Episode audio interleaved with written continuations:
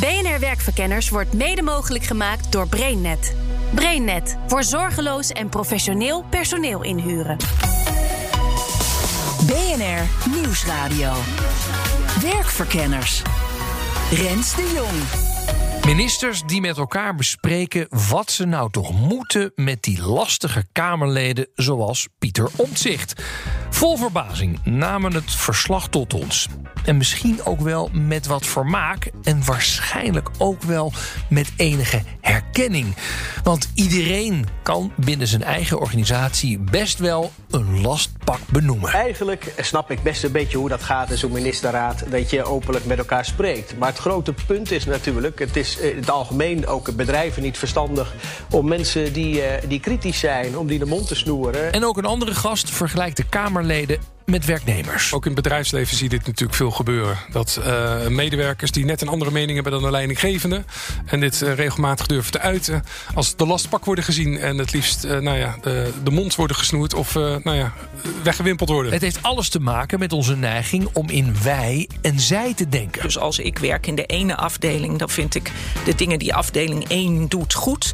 maar de dingen die afdeling 2 doet, vind ik minder goed. En als ik een keer een slechte ervaring heb gehad met iemand van afdeling 2 dan plak ik al die slechte ervaringen op afdeling 2. Maar voordat we nou alle lastpakken gaan verheerlijken. Je hebt ook natuurlijk altijd medewerkers die altijd hak in het zand steken. en uh, gewoon standaard lopen te zeiken omdat ze, het, omdat ze het er per definitie niet meer eens zijn. Kenmerkend voor de lastpak, ook de waardevolle, is dat die net een andere koers wil varen dan de route die met zoveel zorg al is uitgestippeld. Nou ja, wat we dan vaak geneigd zijn om te doen, is de meerderheid te volgen. Dat zijn democratische principes, wat, uh, wat op zich prachtig is. Maar het is voor, voor vernieuwing is het dood in de pot. Tja, wat moet je dan als leidinggevende? Juist op het moment dat je haar recht overeind gaat staan... of je nekhaar overeind gaan staan... juist dan moet je denken van... hé, hey, misschien is de, heeft deze persoon iets te melden... wat voor mij heel zinvol is. Werkverkenners. Vertrager, vernieuwer, bloedirritant, onmisbaar. Ja, hoe kun je de lastpak in een organisatie nou het beste omschrijven? Ik ben Henk-Jan Kamsteeg, auteur van een aantal boeken. Onder andere Dien het Leiderschap. In mei komt mijn boek Inclusief Leiderschap uit. Wat ik samen met Oer Oskan heb geschreven. En ik uh, geef training en coaching. Het gebied van leiderschap en storytelling. Wij hebben het vandaag over lastpakken. Ja. Wat zijn de belangrijkste kenmerken van een lastpak? Ik weet niet of er een vaste definitie van is. Maar uh, wat ik onder een lastpak versta, is uh, iemand die binnen het bedrijfsleven, of welke context dan ook, een andere mening is toegedaan dan uh, de, de leidende mening. En daar regelmatig op terugkomt. Dus daar wat van durft te zeggen, zijn eigen visie durft te delen. Maar dat doet zonder dat de leidinggevende of de directie daar echt op zit te wachten. Mm -hmm. Oftewel daar niet op zit te wachten. Ben je zelf wel eens een lastpak geweest? Uh, zeker. Ja? ja? Ja, ik ben wel iemand, als ik ergens wat van vind, dan uh, hoor je me ook wel. En dat wordt je natuurlijk niet altijd in dank afgenomen. Dus ik, ik herken wel een beetje wat er met omzicht is gebeurd. Uh, herken ik wel uit de eigen praktijk. En zijn lastpakken per definitie irritant? Je zegt. Er heeft iemand tijdens een directievergadering een keer tegen mij geroepen... Henk-Jan, ik vind jou irritant. Dus of ze het per definitie zijn, weet ik niet. Maar het is natuurlijk veel makkelijker als, je, als iedereen met je meepraat en iedereen ja en amen knikt. Want dan kun je gewoon doorgaan. Of je de goede koers vaart, is een ander verhaal. Maar je kunt wel doorgaan zonder dat je met iedereen in discussie hoeft. Dus, ja. uh, dus in die zin begrijp ik dat het irritant kan zijn. Ja. ja ik ben ook wel zo iemand geweest. Uh, was ik het ook niet eens met de koers. Was ik ook heel vocaal daarover. En ik heb toen ooit een keertje een leidinggevende gehad die zei: Ja, maar Rens, je moet ook eens een keertje rekening houden met um, de invloed die je hebt. En toen zei ik: Hé, hé, hé, het is above my paycheck. Hè. Ik mm -hmm. ben hier maar een simpele redacteur. Dus ik heb hier helemaal niets te maken met wie ik ben of wat dan ook. Ik mm -hmm. zeg dit gewoon. Ja. En toen zei hij: Ja, maar je moet ook wel. We proberen een bepaalde koers op te gaan. Jij, jij, jij dropt maar het, het allerlei dingen. En dat kunnen we gewoon niet gebruiken, want we gaan gewoon niet vooruit zo. Ja. En ik moet eerlijk zeggen, ik snapte dat eigenlijk wel. Ja. Nee, ik denk dat je lastpakken op verschillende manieren kunt hebben. Kijk, het punt is, jij kan het in jouw geval, je had gelijk kunnen hebben, hè, de dingen die je riep. Ik denk dat ik ook nog gelijk had ook. nou ja, dan, dan, dan zou ik zeggen als leidinggevende, luister goed naar je medewerkers. Wie ben jij te denken dat je het beter weet dan al je medewerkers bij elkaar? Mm -hmm. Maar is het ook nog de toon die de muziek maakt hier? Of, of moet dat bij lastpakken niet, niet nodig zijn? Nou, ik denk dat het zich wel in de loop der tijd er een andere toon komt. Dus laat ik mijn eigen, mezelf als voorbeeld mag pakken wat, hoe bij mij ging. Dat ik in eerste instantie heel rustig en voorzichtig mijn mening gaf. En op, dat je, op het moment dat je dan merkt dat er gewoon echt 0,0 geluisterd wordt, dat totaal geen empathisch vermogen is vanuit de leidinggevende, dan wordt mijn stem luider en luider en feller en feller. Dus dat, dat bouwt zich denk ik wel op. Tenzij je gewoon van nature een aardszeikerd bent, om het zo maar te zeggen, ja, dan is het toontje per definitie niet goed. Maar luistert er ook geen mens naar. Of moet je die mensen helemaal geen lastpak noemen? Mijn naam is Femke de Vries. Ik ben managing partner bij Ansamhout Consultancy en bijzonder hoogleraar toezicht aan de Rijksuniversiteit Groningen. En we hebben het over lastpakken. Ja, ik noem het liever dwarsdenkers eigenlijk. Ja, omdat een, met, als je mensen die vaak onverwacht uit de hoek komen lastpak noemt dan frame je ze eigenlijk al op een bepaalde manier. Hè? Dus ik denk dat het beter is om te denken over dwarsdenkers en daarmee ook ze in een ander frame te plaatsen en te beseffen dat ze van grote waarde kunnen zijn. Doen we het vaak, uh, inderdaad, duwen we ze vaak in de lastige frame? Dat denk ik wel, ja. Kijk, ik denk dat iedereen wel iemand in gedachten heeft in zijn eigen organisatie. Hè, waarvan die denkt: oh ja, dan zijn we er bijna in de vergadering, willen we net dat besluit nemen. En dan komt weer Puntje, puntje. Puntje, puntje. Van een totaal andere hoek aanvliegen. En dat vertraagt. En dat vond ik Frustreert ook. Het frustreert. Uh, diegene die altijd van de andere kant komt, is misschien ook niet altijd even, even effectief in zijn punt naar voren brengen. Dus uh, zo langzamerhand gaan we dan mensen zien als een soort van lastig achtergrondgeluid. En dat is jammer, want dan missen we, denk ik, het andere perspectief, wat juist zo belangrijk is in besluitvorming. Deze uitzending zijn wij gaan maken, ik zou bijna zeggen natuurlijk, door de toeslagenaffaire en het sensibiliseren van Pieter Omzicht. Wat, wat dacht jij toen je dat woord sensibiliseren hoorde? Nou, wat me vooral opviel in de, de, de notulen heb ik diagonaal doorgelezen. En het valt me op uh, dat er eigenlijk twee dingen gebeuren rond Kamerleden die een ander geluid laten horen. Eén, het gevoel in die notulen dat ze in de weg staan aan de oplossing van het probleem. En twee, het gevoel dat ze dat voor hun eigen reputatie doen. Mm -hmm. En van beide denk ik, ja, daar zou je wel de nodige discussie over kunnen hebben. Je zou ook het geluid van omzicht en nog andere overigens hè, kunnen zien als iets wat die ander ziet, wat jij misschien nog niet hebt gezien en wat misschien niet in de weg staat aan het oplossen van het probleem, maar daar juist aan bijdraagt. Dus als een nuttig geluid wat je zelf misschien hebt gemist, omdat je zo druk bezig bent met het op jouw manier te doen. En, en dat argument dat je dan leest in de notulen uh, uh, ze zijn bezig met hun eigen reputatie. Zie je dat in het bedrijfsleven ook? Worden dat soort mensen ook zo weggezet of niet?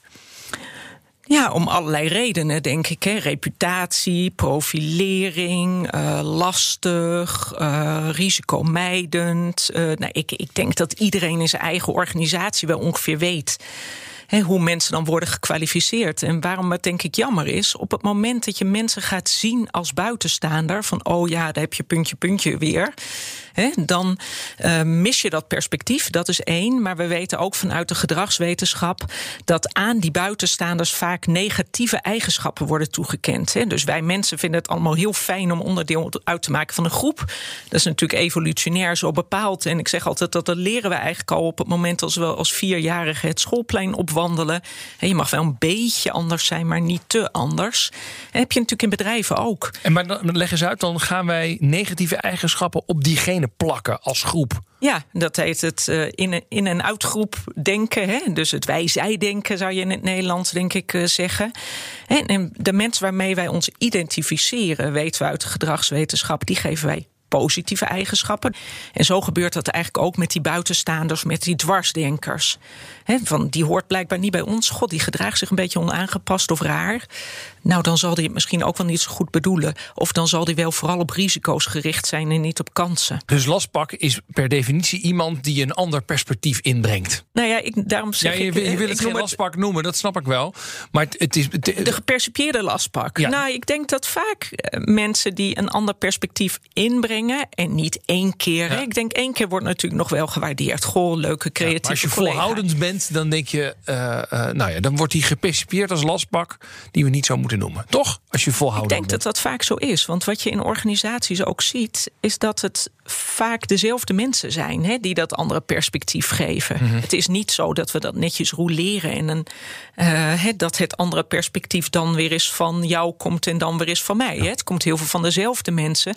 Dus die worden worden ook een soort, ja, bijna een soort karikatuur op een gegeven moment. Oh, daar heb je hem of haar weer, die vindt altijd iets anders. Ik denk, elke luisteraar heeft denk ik nu wel het idee van, oh ja, maar die mensen die ken ik ook. En gaat het nou vooral over hun irritante gedrag? Of is de manier waarop wij zelf reageren, defensief, veel veelzeggender. Mijn naam is Arend Ardon. Ik ben een van de eigenaren van de Change Studio... waar we uitdagende leiderschaps- en vernieuwingstrajecten vormgeven. En ik ben auteur van verschillende managementboeken...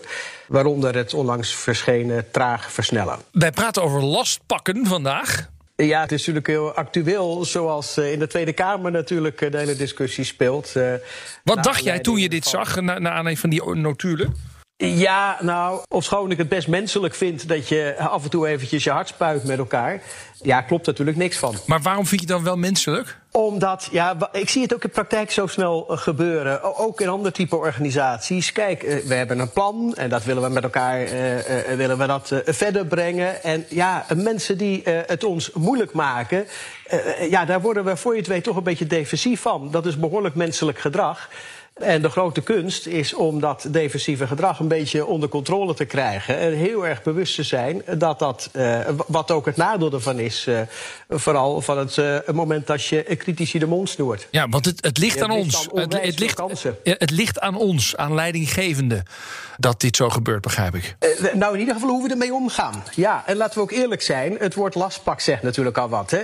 op het moment dat je iemand als lastpak ziet, dan ga je zo iemand waarschijnlijk ook zo behandelen. Ja, en als je iemand als lastpak behandelt, dan vergroot je enorm de kans dat iemand dat ook voor je wordt. Nou begreep ik, Arend, dat jij wel twee typen lastpakken ziet. Ja, nou ja, in praktijk heb je natuurlijk allereerst de mensen die zich kritisch opstellen. Die, die je visie, je strategie, je verander aanpak enzovoort ter discussie stellen. Nou, je zou kunnen zeggen dat zijn mensen die heb je keihard nodig. Die houden je scherp.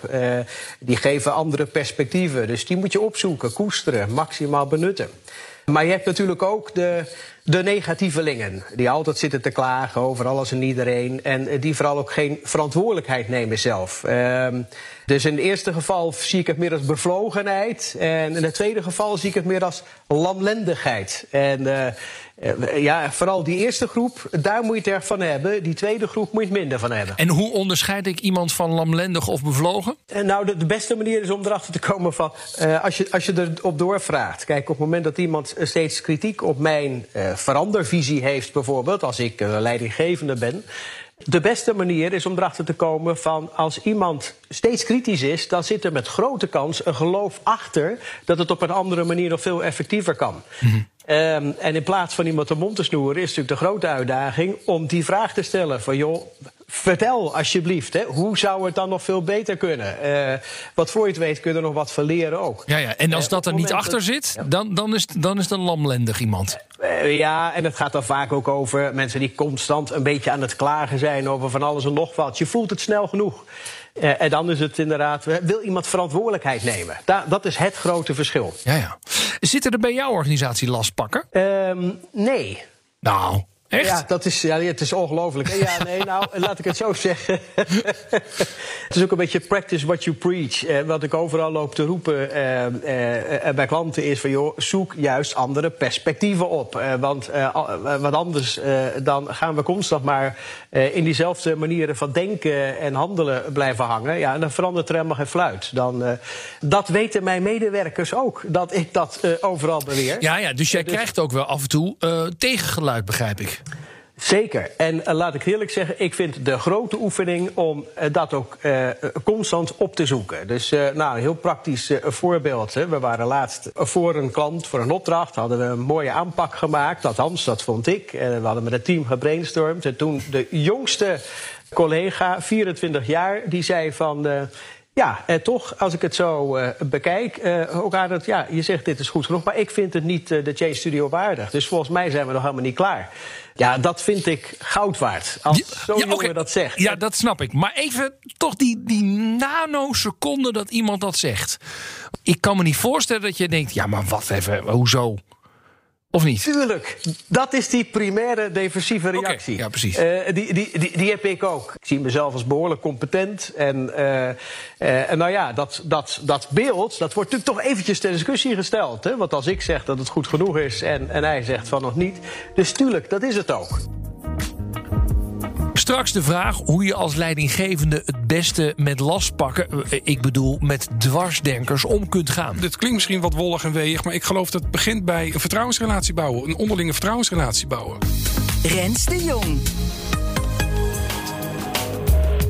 Maar laten we dan eerst toch eens even kijken wat deze vaak toch wel als lastig ervaren collega het bedrijf kan opleveren. Nou, heel veel, zegt Henk-Jan Kamsteeg. Onder andere redding, om het zo maar te zeggen. Ik, ik las dus een, een, heel gaaf onderzoek. Er was een onderzoek gedaan naar expedities die een expeditie deden op de Himalaya. Mm De onderzoekers keken, uh, er vallen heel veel dodelijke slachtoffers. Dus die keken naar uit welke landen komen nou deze dodelijke slachtoffers het meest. En wat bleek, dat uit landen waar een sterke hiërarchie heerst, dat daar de meeste dodelijke slachtoffers vielen. Want wat gebeurde er in de praktijk? De leiding, stel, morgen pokken weer, slecht weer. Eigenlijk moet je gewoon niet verder willen reizen. Nou, het team ziet dat, maar de leidinggevende zegt: nee, we moeten dan en dan aan de top staan. Maar het team durft geen moer te zeggen. Want ik wil geen lastpak zijn, want de vorige keer dat ik een lastpak was, werd ik eruit gestuurd of weet ik veel wat. Dus ik hou mijn mond. En dus ga ik ga de volgende dag in de opdracht van de leidinggevende inderdaad proberen naar die bergtop te komen. Uiteindelijk komt die storm er inderdaad en we overleven het niet. Wat bleek uit dat onderzoek is dat als jij niet naar je mensen luistert, als jij zelf denkt ik weet het de, de waarheid in pacht te hebben, ja, ik weet het het beste, en hun mensen trekken hun scheur niet, meer open, dan kan dat letterlijk dus dodelijk gevolgen hebben. Nou, binnen bedrijf, je gaat er niet dood aan, maar je kan wel je bedrijf naar de knop helpen, omdat je gewoon niet luistert naar je mensen. Ja. Ditzelfde hoor je bij vliegtuigongelukken. Hè? Uh, er is ook eens een keertje ja. onderzoek gedaan naar co-piloten in een sterk hiërarchische cultuur. Uh, die durft op een gegeven moment niet te zeggen: ja, maar volgens mij vliegen we op een berg af. En, en, en nou ja, de rest is history. Dus jij zegt eigenlijk uh, kan het risico's verkleinen als je wel luistert naar iedereen. Ja, absoluut. Zijn lastpakken altijd waardevol. Nee, maar dat, dat heeft te maken met wat is de reden waarom iemand een lastpak is. Heeft hij er sowieso geen zin meer in? Moet hij nog maar een paar jaar? Of hij heeft te balen dat hij een nieuwe functie heeft waar hij geen zin in heeft. Dus ik ga per definitie in de zijkstand zitten, dan zijn ze niet waardevol. Ja, volgens Femke de Vries is tunnelvisie net zo gevaarlijk als een sterke hiërarchie. Ik denk dat de waarde van een, een dwarsdenker vooral zit in, in dat aanvullende perspectief. Eén uh, perspectief hebben, één referentiekader kan echt leiden tot blinde vlekken. Dat je kansen mist, de risico's mist, voorbeelden daarvan, hè, zeker aan die risicokant, genoeg.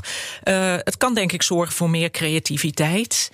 Kan denk ik ook het werkplezier voor een heel team beter maken. Hè? Ik denk als je nooit verrast wordt, nooit een ander perspectief krijgt, dat je werk letterlijk minder goed is. Maar er zijn ook allerlei onderzoeken dat de kwaliteit van een besluit bijvoorbeeld niet afhangt van de slimste in het groep, maar van in goed je, hoe goed je in staat bent om het perspectief van iedereen in de groep te benutten. is prachtig onderzoek naar zogenaamd turn-taking behavior. Hè? Dus hoe, hoe vaak krijgt iedereen in een team de beurt?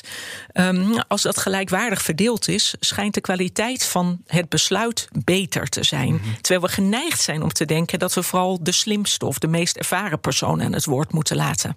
Ja. Ik denk er is geen Nobelprijswinnend idee dat niet eerst is begonnen met iets kleins. Anderen hebben daarop voortborduurd. Hey, een, een briljant idee komt zelden in, eh, in isolement tot stand. Dus als ik iets, ook als ik iets geks zeg of een half afgemaakte gedachte heb, dan kan die voor jou of voor mijn collega's van nut zijn. Als ik hem voor me hou, want ja. dat zie je, dat dwarsdenkers dat op een gegeven moment gaan doen, hè, die zelfcensuur. Als ik hem voor me hou, ja, dan mis je een ander perspectief. En ook Arend Ardon zegt dat de waarde van een lastpak in die andere ideeën zit. Hoe kun je echt uh, vernieuwend zijn op het moment dat je verrassingen, ongemak constant wegorganiseert? Als je helemaal in control wilt zijn, constant jouw ideeën, jouw plannen, de kans is ontzettend groot uh, dat we dan juist meer van hetzelfde uh, hebben. Want we hebben zo onze denkbeelden, we hebben zo onze overtuigingen. En voor je het weet gaat vanuit die denkbeelden, overtuigingen en al onze gewoontes gaan we nieuwe plannen bedenken. Grote ja. kans dat die nieuwe plannen voortkomen uit precies hetzelfde denken. En dus helemaal niet zo vernieuwend zijn als dat we zelf denken. Dus we, we hebben constant andere perspectieven nodig. En dat zou dus ook wel eens van die lastpakken kunnen zijn. Toch zijn er lastpakken waar je als organisatie wel echt vanaf moet? Ja, die zijn er. Kijk, eh, daar kom ik eigenlijk weer een beetje terug op degene die ik net als eh, de negatievelingen... die Lamlendigen, lamlendigheid ja. uitstralen. Ja, de lamlendigen, zal ik maar zeggen. Kijk, overigens moet je ook bij hen altijd eerst op zoek van... hoe komt het dat iemand zo lamlendig geworden is? Het kan best zijn, bijvoorbeeld, eh, stel dat dat ik tegen mijn medewerkers constant precies zeg wat ze moeten doen, terwijl het hartstikke slimme mensen zijn. Dan zouden ze daar best eens lamlendig van kunnen worden. Omdat ze op een gegeven moment denken: jeetje, er wordt ook allemaal niks gedaan met mijn, met mijn creativiteit of denkvermogen. Eh, er is maar één manier achter te komen hoe zijn ze zo geworden. Dus ook onderzoeken, vragen. Misschien ben je er zelf mede oorzaak van. Maar als daar eh, dan nog steeds, als je niet verder komt, als mensen er hoge zin in hebben, ja, dan denk ik, eh, dan moet je zo iemand misschien toch maar aan je concurrent gunnen. Oké, nou duidelijk hè. Als het niet door de totale desinteresse of lamlendigheid komt... dan kan die dwarsligger van hele grote waarde zijn. Nou, hoe ga je daar dan als leidinggevende het beste mee om? Arend Ardon heeft drie ideeën. Het eerste is be- besef zelf als manager dat je zonder ongemak nooit kunt werken aan echte vernieuwing. Dus eh, ook dat botsen, ja, dat is nou juist. Als je echt wil vernieuwen, heb je die botsing nodig. Het lukt je nooit vloeiend. Dus je hebt juist die afwijkende perspectieven nodig. Eh, Ten tweede, zet ze juist in de schijnwerpers. Eh, en ten derde, eh, daag ze uit. Dus zoek naar die diepe overtuiging dat het op een andere manier succesvoller kan. En geef ze de ruimte het te laten zien, te bewijzen dat het ook echt anders kan. En, en, dan, en dan kijken hoe dat werkt. Maar ik denk dat je juist steeds moet zoeken naar hoe kunnen we ervoor zorgen dat we die verschillende beelden hebben. En ergens moet je het besluit nemen, als je alles hebt gehoord. En, en nu gaan we met elkaar gaan we ook wel die kant op. En dan mag je ook verwachten dat mensen zich daaraan loyaal opstellen. Jij zegt, eh, we moeten ook eens een keertje af van meerderheidsbesluiten. Waarom? Ja, nou ja, precies om dat idee wat ik net zeg. De meerderheid staat zelden voor, voor echte vernieuwing. De meerderheid is vaak de, de huidige sociale normen van hoe zijn onze manieren aan het, eh, aan het bestendigen. En wat je dus ziet is eh, dat juist die vernieuwing bijna altijd begint bij die afwijker. Daar zitten de originele ideeën. Dus als het gaat over vernieuwing eh, pleit ik vaak zelfs voor minderheidsbesluiten. Laten we eens juist gaan kijken naar wat is het idee waar de meerderheid van denkt, nou, dat kan nooit wat zijn. Laten we daar dan juist eens op ingaan. Femke de Vries zei eerder al dat je als leidinggevende op het moment dat iemand bij jou de nekharen recht overeind laat staan, moet denken dat diegene voor jou heel zinvol kan zijn. Maar ja, hoe dan? Want je ergert je groene geel. Ik zeg niet dat het makkelijk is en je hoeft het ook niet alleen te doen, maar het is wel een opdracht voor leidinggevenden. En je ziet ook hier kijken teams naar de leidinggevende. En leidinggevende die het andere perspectief waardeert. Ook al kost dat moeite. Ik zeg niet dat het vanzelf moet gaan. Leidinggevende die het andere perspectief waardeert. Die doet fantastische zaken waar het gaat. Bijvoorbeeld om psychologische veiligheid in teams. Ja, wat bedoel je daarmee? De psychologische veiligheid is een, een fenomeen dat door Amy Edmondson, zij is hoogleraar aan Harvard, is, is bedacht en onderzocht. En zij zegt eigenlijk niemand zou zich in een team dom, onwetend, raar moeten voelen op het moment dat hij iets inbrengt. En zij zegt de voorwaarde daarvoor is dat mensen zich veilig voelen om welk perspectief dan ook in te brengen. En ze heeft daarvoor een aantal tips hè, die te maken hebben met mensen actief om input vragen. Uh, de feilbaarheid ook van het team uh, onderstrepen. Dus laten zien van werken is ook uh, een situatie waarin we, waarin we fouten kunnen maken. En dat mag, zolang we er maar van leren. En wat ik heel mooi van haar vind, is dat zij zegt: de leider moet zichzelf kwetsbaar opstellen. En die moet ook, zij noemt dat normalizing uncertainty. Dus de onzekerheid die er nou eenmaal is rond onderwerpen, thema's, die moet hij normaal, hij of zij normaal maken. Zodat mensen ook hun twijfels, hun zorgen durven te delen. Maar wanneer je natuurlijk tegen mensen zegt: Don't bring me problems, bring me solutions. En dan zal iedereen de lust wel vergaan om uh, met een risico aan te komen. En ik, ik moet toch denken aan die twee voorbeelden hè, van NASA en de Challenger of BP en de, en de grote olierampen in de Golf van Mexico. Hè. Het was niet zo dat die signalen niet bekend waren. Ze werden alleen niet gehoord. Henk-Jan Kamsteeg zei eerder dat het allemaal draait om een een vertrouwensband opbouwen. En dat begint weer bij het echte gesprek hebben met elkaar. Wie ben jij? Hebben we hetzelfde doel voor ogen? Willen we samen in die bus stappen? Willen, willen we het samen gaan doen? En ik denk als je die hebt, dan kun je daarna conflict hebben. Patrick Lencioni heeft daar een goed boek over geschreven. Voor de meesten eh, hopelijk bekend. Als je hem niet kent, pak het boek. Hè, de vijf frustraties van teamwork. Waarin hij ook zegt dat de piramide begint bij een vertrouwensrelatie bouwen. Als je een goede band met elkaar hebt, dan kun je goede, gezonde, lekkere conflict hebben met elkaar. Heb je die vertrouwensrelatie niet, dan ga je of de conflicten uit de weg. Nou, dat schiet ook niet op. Of de conflicten lopen direct volledig uit de hand en je slaat elkaar letterlijk de hersens in. Dus het begint bij een vertrouwensrelatie bouwen met jouw medewerkers. Investeren in elkaar als team. Ja. Dus eigenlijk, als je iemand goed kent en je weet ook, je weet ook iets meer van elkaar. Als je dan elkaar gaat tegenspreken, dan is het een heel ander gevoel dan dat je iemand van, oh ja, dat is diegene, dat is die, die, die man van accounting. Dat is altijd zo'n lastpak. Ja. Terwijl je er helemaal niets van hem of haar weet. Klopt. Er zit altijd, het is die bekende ijsschots die elke trainer bij elke training weer uittekent, maar doen we niet voor niks. Er zit altijd iets onder. Ja. En, en wat zit daaronder? En als je dat van elkaar beter leert kennen, ga je bepaald gedrag van elkaar ook beter begrijpen, accepteren. En kun je ook gewoon terecht zeggen, joh, maar ik ga daar niks mee doen. Of ik ga er inderdaad mee aan de slag. Dus dat blijft altijd een keuze. Het is niet van, oh, lastpakken moet, er moet altijd, de wil van de lastpak is wet. Dat is natuurlijk ge- geneuzel. Dat, is- dat is niet het geval. Maar nogmaals, luister wel naar hem. Nou, conclusie van deze uitzending. We hebben allemaal onmiddellijk een beeld bij de lastpak op het werk. Maar we moeten hem echt niet zo noemen. Dwarsdenker kreeg ik als alternatief. Want door iemand een lastpak te noemen, druk je hem, of haar natuurlijk, in een hoek. En daarmee wordt de kans dat je profiteert van zo iemand nihil. Terwijl deze dwarsdenker je behoorlijk wat kan brengen. Het kan je behoeden voor tunnelvisie. Het kan bijdragen aan innovatie. Het kan rampen voorkomen. Zorgen voor een beter functionerend team en bedrijf. Nou, wie wil dat nou niet? De vraag is dan, hoe krijg je dat er allemaal uit? Nou, door eerst over je eerste defensieve reactie heen te stappen. En uit te dragen dat iedereen zich mag uiten over mogelijke problemen, angsten of gewoon hele andere perspectieven. Dat doe je door jezelf kwetsbaar op te stellen en het gesprek met je mensen aan te gaan. Zo ontstaan er psychologische veiligheid en een vertrouwensrelatie. En als je het aandurft, neem dan een beslissing waar de meerderheid niets in ziet. En kijk eens wat dat je brengt. Nou, misschien zijn dat wat tips voor Mark Rutte met zijn radicale ideeën. Dit was Werkverkenners voor deze week. Productie en redactie Nelleke van der Heijden. Mijn naam is Rens de Jong. Volgende week dan krijg je weer een verse op dinsdag om half vier. En in je podcast-app kun je hem op ieder moment terugluisteren. Tot de volgende keer. Dag. BNR Werkverkenners wordt mede mogelijk gemaakt door BrainNet. BrainNet voor zorgeloos en professioneel personeel inhuren.